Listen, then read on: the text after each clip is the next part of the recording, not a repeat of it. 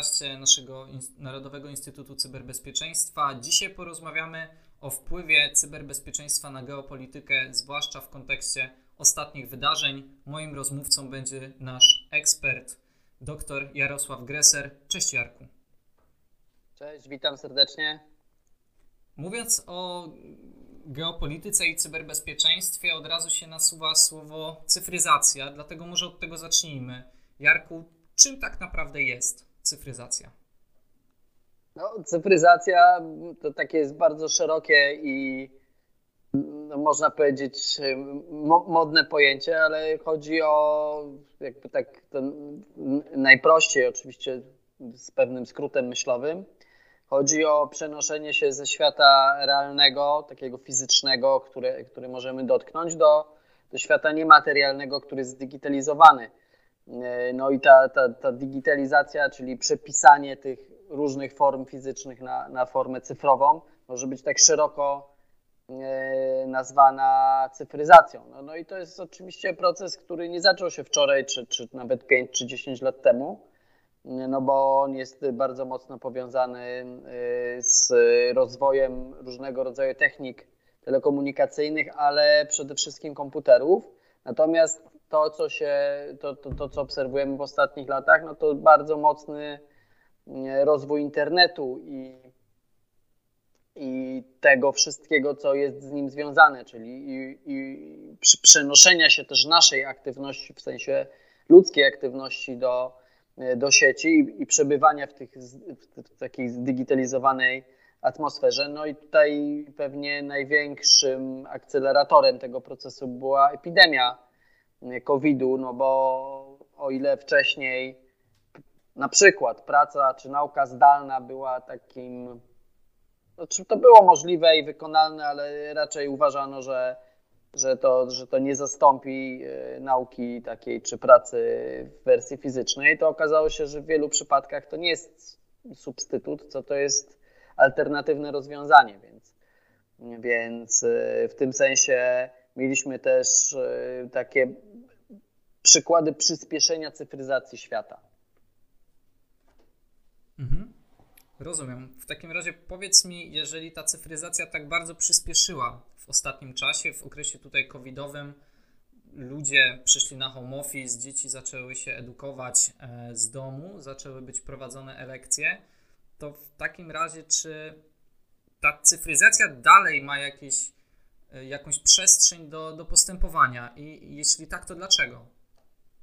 No tak, no jest jeszcze wiele sfer, które nie zostały scyfryzowane albo, albo zostały scyfryzowane w, w takim, w, w jakimś określonym tylko zakresie. Natomiast no, cały czas sobie trzeba zadać pytanie, czy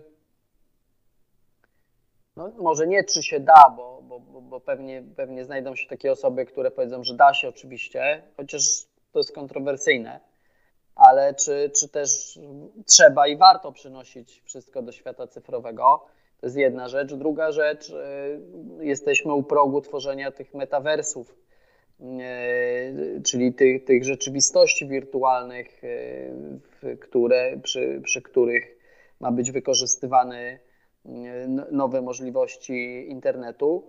I to też jest bardzo ciekawe zjawisko, no bo już przecież były próby i, i to nie jedna próba była tworzenia wirtualnych światów, ale jakby rzeczywistość technologiczna była, była zupełnie inna. Być może ta próba będzie udana. Tutaj są bardzo różne głosy, więc jakby ja, ja mogę tylko powiedzieć swoje zdanie na ten temat, bo, no bo, bo, bo nie ma to, to, to spektrum opinii jest od, od, zupełnych entuzjastów, którzy twierdzą, że w ciągu najbliższych pięciu lat wszyscy będziemy sobie żyć w metaversach, do, do jakichś e, totalnych e, przeciwników, którzy mówią, że to jest technicznie niemożliwe i że to jest po prostu sprzedawanie idei inwestorom, żeby, żeby nie spadała cena akcji. No pewnie prawda jest gdzieś po środku i, i ta technologia e, będzie się rozwijać. Oczywiście to, to, to jeszcze nie, nie będzie tak, jak właśnie niektórzy mówią, że, że będziemy całe życie spędzać w, w takich e, w kaskach i w okularach i będziemy się właściwie wszystko, wszystko, wszystkie nasze aktywności się przeniosą do cyfrowego świata. E, Także no, no, no zobaczymy. No, na pewno są jeszcze przestrzenie, jest wie, wiele przestrzeni, chociażby takich prozaicznych, jak cyfryzacja usług społecznych w Polsce. Czyli na przykład y, cały czas mamy problem z tym, mimo COVID-u i mimo tego, że się, że się różne, różne rzeczy y, rozwinęły, z tym, żeby na przykład przeprowadzić w całości postępowanie sądowe y, w formie takiej scyfryzowanej, żeby nie trzeba było iść na pocztę i wysyłać dokumentów albo żeby, żeby iść do sądu. To samo z różnymi procedurami urzędowymi. Także myślę, że jest bardzo jeszcze wiele sfer, w których można cyfryzować, te, też takich, których trzeba, ale też takich, które się no, powinniśmy się przynajmniej zastanowić, czy to robić. Obracamy się tutaj w sferze pojęciowej internetu, cyfryzacji, w związku z czym powiedz mi proszę, czym jest taki frazes bałkanizacja internetu? Chodzi o przyjęcie, może inaczej, może, może zacznę, może zacznę od, od, od innej strony. Jak tworzono internet, to, to za tym stało takie założenie, że to będzie przestrzeń, która jest wspól, dostępna, możliwie dostępna dla wszystkich, że to jest przestrzeń o bardzo demokratycznym dostępie, czyli, czyli protokoły są otwarte, każdy, kto, kto uzyska dostęp do sieci, to będzie mógł w niej na tych samych zasadach e, funkcjonować. Oczywiście,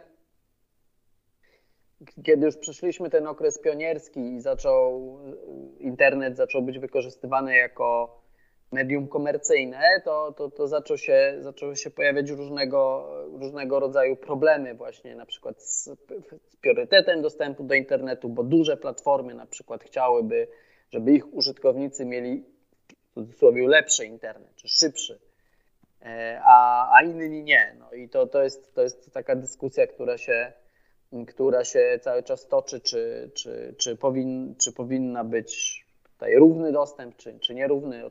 Oczywiście no, z, z różnych powodów e, ta, ta, ta równość tego dostępu jest ważna też dla odbiorców, no ale też internet zaczął być e, narzędziem, który na, na różny sposób może być wykorzystywany politycznie, e, bo mówimy nie tylko o takich, takich, że to jest kanał komunikacji, który jest wykorzystywany w debacie politycznej, ale mówimy o dostępie do treści i komuś te dostępy do treści mogą się nie podobać. I na tym tutaj dochodzimy do tej idei bałkanizacji internetu. Ta, ta nazwa bałkanizacja pochodzi od, od tego, co się stało na, na, na Bałkanach. No można powiedzieć po rozpadzie Imperium Otomańskiego albo jak dla, dla, dla kogoś, kto chce być bliżej po rozpadzie Jugosławii, czy było jed, jeden jakiś świat, jedno uniwersum i rozpadło się na wiele drobnych uniwersów, które są, e, rządzą się własnymi regułami i teraz coś takiego nam się zaczyna pojawiać w internecie. Czyli mamy taką sytuację, że państwa z powodów politycznych lub ideologicznych nie chcą, żeby ich obywatele mieli dostęp do określonych treści. E, I no, przykładem, który, który tak jako pierwszy się rzuca, e, czy, czy, czy, czy jako pierwszy można przywołać, są Chiny, które wytworzyły swój własny wewnętrzny internet, który jest otoczony czymś, co się nazywa Great, Great China Firewall i w tym, w tym wewnętrznym chińskim internecie, który jest bardzo, no, no, funkcjonują tam przedsiębiorstwa komercyjne, ale one są bardzo mocno powiązane z chińskim rządem, nie występują takie usługi cyfrowe, jak, do jakich my jesteśmy przyzwyczajeni, czyli E, nie ma na przykład, e, nie ma na przykład wyszukiwarek, z których najczęściej korzystają osoby na zachodzie, ale są ich, ich chińskie odpowiedniki, natomiast one się dostosowują do polityki rządu e, i cenzurują, cenzurują treści. No to, to, to, to sobie można prześledzić na przykład na e, podstawie wyników wyszukiwania e, w, w, w, chińskich e, wyszukiwarkach, które dotyczą masakry na placu Tiananmen, czy w ogóle co się stało 4 czerwca 1989. No i taka chińska wyszukiwarka nie tylko nie, nie powie, że, że nie, nie poda takich informacji, jak, jakie podałaby wyszukiwarka na zachodzie, ale jednocześnie może to też skutkować powiadomieniem odpowiednich służb, że się interesujemy e, takimi informacjami, które z perspektywy chińskiego rządu są e, niepożądane. No i teraz oczywiście można powiedzieć, że, że da się to obejść, że można skorzystać z VPN-u, ale do, do, do zrobienia tego po pierwsze wymagana jest wiedza techniczna i kapitał kulturowy, który pozwala na korzystanie z takich narzędzi i też y, potrzeby do wyszukiwania jakichś innych informacji czy innych usług. Y, to jest jedna rzecz, a druga rzecz y, jest to działalność, która jest nielegalna i ona może skutkować określonymi sankcjami. Dlatego, dlatego część osób, która mogłaby nawet uzyskać inne informacje, nie robi tego z tego powodu. Więc no i pytanie jest, czy to jest groźne. No, to, to, to, to, przede wszystkim godzi w ideę internetu, który powstał jako medium mające zapewniać e, przestrzeń dostępu informacji dla wszystkich, bo e, to, to, to leży u podstaw tego, e, te, tej technologii, a to, ta bałkanizacja, czyli powstanie różnego rodzaju różnego rodzaju internetów o, o różnym dostępie, no jakby zmienia w ogóle tą ideę. No pytanie, czy czy to, czy to się utrzyma, czy to jaki to będzie miało trwały efekt, to jest pytanie otwarte i tu sobie można spekulować. Natomiast yy, wydaje się być, że wydaje się, że to nie jest, yy, nie, nie jest właściwa droga, zwłaszcza, yy, zwłaszcza z, takiej, z takiej perspektywy, że może być to wykorzystane jako narzędzie cenzury po prostu. Właśnie, powiedziałeś o Chinach, powiedziałeś o tym, że internet powinien być wolny. E, w ostatnich czasach dużo w tej kwestii się dzieje w e, kontekście Rosji jako kraju, ale nie chcemy się tym dzisiaj zajmować. Powiedz mi w kontekście innych podmiotów stosunków międzynarodowych, jak, jaki stosunek do tego e, mają Stany Zjednoczone i Unia Europejska? Czy stoją one po jednej stronie barykady, czy może jednak są pewne tutaj rozbieżności w tym, czy rzeczywiście ten internet powinien być taki wolny? No, tutaj jakby oba te, oba te twory są bardzo mocno zakorzenione w, w filozofii i w takim rozumieniu e, zachodnim podejściu do, do, do, do praw i wolności. Natomiast e, jest zasadnicza różnica między wolnościami w rozumieniu europejskim, e, czy prawami podstawowymi w rozumieniu europejskim i w rozumieniu amerykańskim. I to się, to się bardzo często przebija, jeżeli chodzi na przykład o wolność słowa, czy, czy o, o, o, o różnego rodzaju aktywności. No i jest ewidentna rozbieżność, e, która polega na tym, że w Stanach ten, e, ta, ta, te, te, kwestie związane z, z, wolnością działania w internecie, one bardzo mocno biorą pod uwagę interes dużych korporacji no, które jak większość z nich pochodzi ze Stanów Zjednoczonych, więc to też oczywiście nie jest przypadek, że, że, że, że taka sytuacja ma miejsce. Natomiast y, w Stanach to, to podejście jest takie, że ok, jest wolność na rynku, mimo że ten rynek jest oligopolizowany, czy, czy może być nawet w wielu przypadkach zmonopolizowany, to, to czym, w czym może Ci pomóc państwo, to jest ochrona konsumenta, czyli wprowadzamy takie przepisy, które mają mnie chronić jako uczestnika tego, słabszego uczestnika tego rynku. A w Europie jest inne podejście. Euro, w, w, w, Unia Europejska mówi, że wolny internet tak, ale zgodny z naszymi wartościami. Dlatego na przykład promuje się mocno prywatność, ochronę danych, to czego nie ma w Stanach E, e, ochrony danych osobowych. E, teraz niedawno mieliśmy przyjęcie dwóch bardzo ważnych aktów prawnych Digital Service Act i Digital Market Act, które regulują działanie tak zwanych gatekeeperów, czyli, czyli takich przedsiębiorstw, które mają znaczącą przewagę nad innymi. To znaczy, na przykład jestem operatorem jakiejś platformy do sprzedaży internetowej, no i, i, ktoś, sobie, ktoś sobie na tej platformie sprzedaje, ale on mi się nie podoba i ja go wyrzucam. I teraz ten, ten kogo wyrzuciłem, nie ma możliwości pójścia gdzieś indziej. Ja mu jakby zabrałem cały, cały interes i do, do, dotychczas ten ktoś był na, na totalnie straconej pozycji, no bo właściwie nie mógł, znaczy były środki prawne, ale wykorzystanie ich to, była, to, to było iluzoryczne. Natomiast no, czy te takie problemy, które zgłaszano w, w debacie publicznej, czyli jestem politykiem i głoszę no, niepopularne poglądy, ale takie, które mieszczą się jeszcze w ramach po, chronionej prawami człowieka wolności słowa. No i, i wygłaszam je na Facebooku i Facebook zawiesza albo likwiduje mi konta. No i teraz jest pytanie, czy to dobrze dla debaty publicznej? Według Europejczyków nie i wprowadzają przepisy, które mówią, że, że no, takie zachowanie będzie mm, odpowiednio sankcjonowane. Także tu mamy te dwa inne podejścia do, do tego, jak wolny powinien być internet. W Stanach, w Stanach on jest wolny w rozumieniu tak długo możesz robić cokolwiek, bylebyś nie naruszał interesów konsumenta. W Europie jest, możesz robić cokolwiek tak długo, jak nie naruszysz wartości, które leżą u podstaw naszej wspólnoty.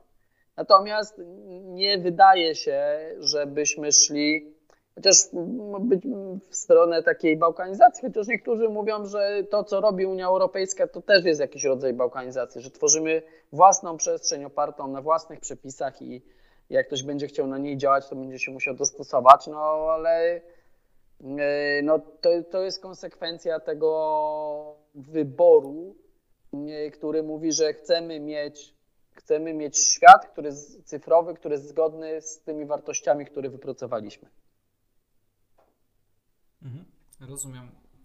W tej chwili mówimy mm, geopolityka, Europa, cyberbezpieczeństwo. Pierwsze, co przychodzi na myśl, to Ukraina. I to, co się aktualnie w tej chwili dzieje, powiedz mi, jaki wpływ, e, jak sytuacja wojny na Ukrainie wpływa w tej chwili na cyberbezpieczeństwo i na świadomość ludzi w tym temacie? No, przede wszystkim yy, wojna na Ukrainie uświadomiła wielu ludziom, że świat cyfrowy jest, e, czy, do, czy domena cyfrowa jest również przestrzenią, w której jest prowadzona wojna. I teraz to, co jest, e, to, to, to, co jest kluczowe, to, że mamy prowadzoną wojnę jakby na dwóch frontach. Oczywiście mówię to w pewnym uproszczeniu. Pierwszy to jest front informacyjny, to znaczy jedna i druga strona próbuje przekonać społeczność międzynarodową czy osoby niezaangażowane do swoich racji.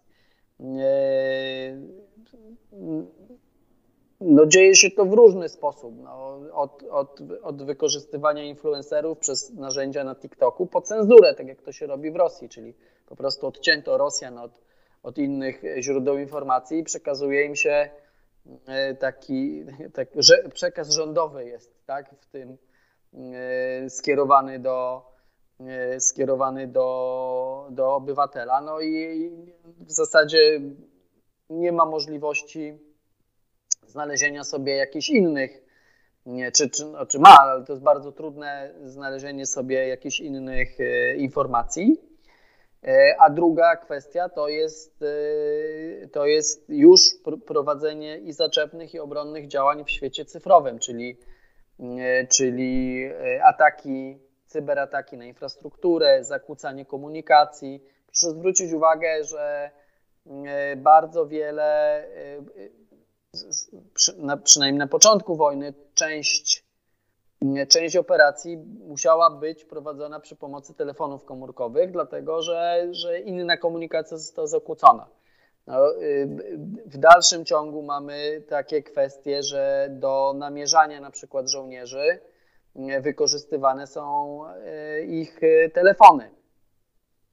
Także no plus oczywiście Ukraińcy udostępnili taką informację, że były próby ataków na ich infrastrukturę krytyczną, głównie na na elektrowni, ale udało się je odeprzeć. Natomiast e, nie ma informacji co do zaczepnych akcji ze strony Ukraińców, no, co nie znaczy oczywiście, że ich nie było, tylko i czy, że nawet nie było one udane, tylko że, że z różnych powodów strategiczno-wywiadowczych nie udostępniono takiej informacji. więc, więc to jest, no to, to, jest, jakby to już jest zupełnie, zupełnie inna sprawa. Natomiast to, co jest ważne, to żołnierze operujący w domenie cyfrowej są tak samo ważni jak ci, którzy są w transporterach opancerzonych i ci, którzy latają helikopterami. To się stała równoważna część konfliktu, e, mimo że e, jeszcze kilka lat temu uważano, że to są bardziej takie bajki e, albo, albo literatura science fiction, a okazało się i to w praktyce, że bez, bez żołnierzy czy bez takich umiejętności do walki na froncie cyfrowym i to zarówno tym informacyjnym, jak i tym, tym, tym, typowo, tym typowo operacyjnym, to właściwie nie można wygrać współczesnego konfliktu zbrojnego. No właśnie i teraz w dzisiejszych czasach mamy tysiące rodzajów uzbrojenia, czołgi, samoloty, helikoptery i znamy bardzo wiele doktryn wojennych. Mamy sztukę, e, sztukę wojny Sun Tzu, tak? A pojawia się nagle coś nowego i są to ataki APT. Jakbyś mógł przybliżyć, czy co to jest i czy jest to nowy sposób może prowadzenia wojny, czy może z tego się zrodzi jakaś doktryna? Atak APT, czyli takie ad, ad, Advanced Persistent Threats, to, to się tłumaczy na, e, czy jakby z rozwinięciem tego skrótu, czyli za, zaawansowane, uporczywe zagrożenia w rozumieniu świata internetowego. To są takie rodzaje ataków, do których przeprowadzenia wymagane są duże zasoby czasu, wiedzy, pieniędzy też bardzo często, więc mogą sobie na ich przeprowadzenie pozwolić no, nieliczne organizacje, najczęściej związane z państwem. Natomiast y, ataki APT, y, ich celem zazwyczaj są też takie instytucje czy takie, takie, takie podmioty, których zaatakowanie wywoła jakieś bardzo duże skutki, czyli infrastruktura krytyczna, czyli atakujemy elektrownie, ropociągi, atakujemy szpitale na przykład, atakujemy telewizję i, i, i dajemy, daje, przekazujemy swoje informacje. No ale wiadomo, że E, takie, ta, tego typu infrastruktura jest chroniona i zazwyczaj jest bardzo dobrze chroniona, więc przeprowadzenie, przeprowadzenie takiego ataku jest e, relatywnie trudne e, i, no i wymaga du, po prostu duże, du, zużycia dużych zasobów. I czy to jest czy to jest nowa doktryna? Raczej nie, bo one nie, nie wydaje się, żeby takie operacje były prowadzone jakby same dla siebie. To zawsze część jakiegoś działania, że część, część różnych działań. Mm, i one na pewno są też prowadzone w czasach pokoju, bo to jest y, te, te, takie, te, tego typu działanie jest częścią też gier wywiadowczych i, i, i działań w ogóle, działań wywiadowczych, dlatego na pewno nie możemy powiedzieć o tym, że, że, że, że ataki typu APT to zaczynają się w momencie, kiedy, kiedy wybucha wojna albo kiedy się przygotowujemy. To, to, to działa cały czas. Zresztą ta wojna w cyberprzestrzeni właściwie ona trwa niezależnie e, od e, tam tak mówi się o tym, że są tak cały czas te te, te przepychanki są i nieważne, czy, czy kraje formalnie są w stanie wojny, czy współpracują, czy nie współpracują, gdzie gdzieś cały czas się tutaj e, coś dzieje. Natomiast na pewno jest to dużego rodzaju wyzwanie, zwłaszcza dla tych, którzy się bronią, bo, bo za tymi atakami e, stoją no, no takie państwa jak Rosja, czy, czy Korea Północna, czy Chiny. E, co nie znaczy, że, że kraje Zachodu nie prowadzą takich ataków, tylko tych informacji o, o działaniach krajów zachodnich jest mniej. Nie, ale raczej nie można założyć, że takich operacji nie ma. Mhm. Wojna, cyberataki to jest, myślę, że to jest jedna kwestia, ale druga kwestia jest taka, jak te cyberataki, cyberzagrożenia poza tą sferą militarną wpływają na sferę, na sferę społeczną i, i na obywateli. Chciałbym, żebyś nam może przybliżył, jakie są metody i efekty właśnie toczenia takiej wojny psychologicznej nie wiem, za pomocą przykładowych fake newsów, które, o których słyszymy dookoła i które każdy z nas praktycznie czyta codziennie w sieci?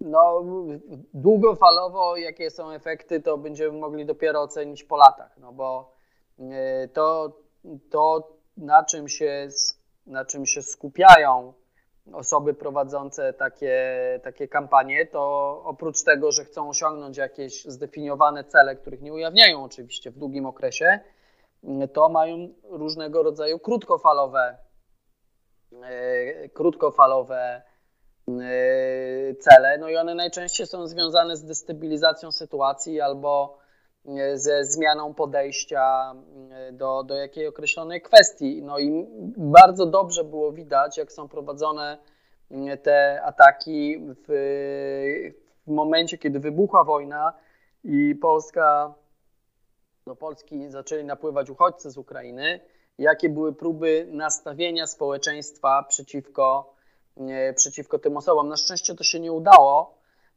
i tutaj też duża, duża rola y, polskich służb, które starały się blokować te informacje, też, też Unia Europejska i, y, i jej serwisy walczące z, z dezinformacją. Natomiast no, no można sobie byłoby wyobrazić sytuację, w której to się nie udaje, to znaczy napływają, napływają uchodźcy, a, a, a pojawia się niechęć czy wrogość y, ze strony ze strony Polaków, no co, co oczywiście działałoby na, znacznie na korzyść Rosjan, którzy nie tylko ograliby sobie tę sytuację yy, politycznie, ale też yy, no, do, do, prowadziłoby to do pogorszenia się sytuacji międzynarodowej Ukrainy w tym, w tym konflikcie, więc, więc oczywiście to jest yy, wielowymiarowe i wielo, wielowątkowe, no ale no, no mieliśmy też przykłady wpływu na wpływu Brytyjczyków na decyzję o Brexicie, cała afera Cambridge Analytica i, i jej wpływ na, na wybory prezydenckie w Stanach Zjednoczonych. No to, to, te, wszystkie rzeczy są, te wszystkie rzeczy są bardzo mocno związane. Czy później atak na Kapitol i cały, cały ten ruch QAnon, który też jest powiązany. Nie, oczywiście to nie jest 100% fake news, no bo dobrze przeprowadzona kampania dezinformacyjna nie może składać się wyłącznie z fałszywych informacji, a już na pewno nie takich, które jest bardzo łatwo zweryfikować, no bo jakby byłaby, byłaby nieskuteczna, no bo, no bo tutaj korzystamy z mechanizmów psychologii społecznej, które, które mówią, że no, jesteśmy w stanie uwierzyć w te informacje, które zgadzają się z, z, z, naszym, z trzonem naszych informacji, które posiadamy, że bardzo trudno jest ten, ten trzon odwrócić, więc trzeba tak te, te, te, te newsy tworzyć, żeby one wydawały się wiarygodne dla odbiorców. E, no oczywiście no to jest bardzo trudny, to jest bardzo trudny problem, bo jeżeli chcemy mieć wolny internet, to, to, no to nie możemy mieć cenzury prewencyjnej, a, zwłaszcza ludzie w Polsce są na to wrażliwi, bo, bo jest jeszcze bardzo wiele osób, które pamiętają, że do 1989 roku była w Polsce cenzura prewencyjna, czyli każdą publikację przed jej udostępnieniem publicznym musiał zatwierdzić urząd specjalny yy, i, i, i człowiek jakiś tam przybijał, przybijał pieczątkę i wydawał zgodę. No więc, yy, no, co oczywiście się kłóciło z wolnością z wolnością słowa i wolnością wypowiedzi, ale y, no, to, to jest negatywny efekt internetu, że właściwie każdy może sobie stworzyć konto na Twitterze i sobie tweetować zasadniczo co chce, tak długo jak nie zostanie zbanowany przez administrację. A jak pokazują te informacje, y, która udostępniła, y, no to też jest te, teraz bardzo duża dyskusja w Stanach, te, ta, ta insiderka z Facebooka, że Facebookowi nie opłacało się wyrzucać takich kontrowersyjnych, zwłaszcza fake newsów, bo one prowadziły do dyskusji, zwiększały ruch. Jak zwiększały ruch to i zainteresowanie, no to, to, to, to zwiększała się przestrzeń do sprzedawania reklam, no więc typowo, typowy był interes. Co więcej, no, algorytmy były tak skonstruowane, żeby dokładnie polaryzować. I, i ta, ta polaryzacja też opierała się o fake newsy. Teraz jak ktoś to wiedział czy przewidział, no to mógł prowadzić bardzo ciekawe kampanie dezinformacyjne. Także y, na pewno to jest koszt tego, że, y, że chcemy się trzymać y, otwartego internetu. No i pytanie jest, jak długo i w jakim zakresie ten koszt chcemy ponosić. No i tutaj Unia na przykład zmierza do tego, żeby przynajmniej częściowo tę kwestię wyregulować. Tak, Jarku, myślę, że kwestia wolności, a w tym wypadku wolnego internetu jest bardzo szeroko omawianą kwestią i moglibyśmy o niej rozmawiać godzinami, tak samo jak wojny psychologiczne i fake newsów. Są to tematy, które poruszymy w naszych następnych podcastach, na które już teraz serdecznie Państwa zapraszam. Naszym gościem był dzisiaj i ekspertem był dzisiaj dr Jarosław Greser. Dziękuję Ci, Jarku. Dziękuję bardzo. Do widzenia, do usłyszenia.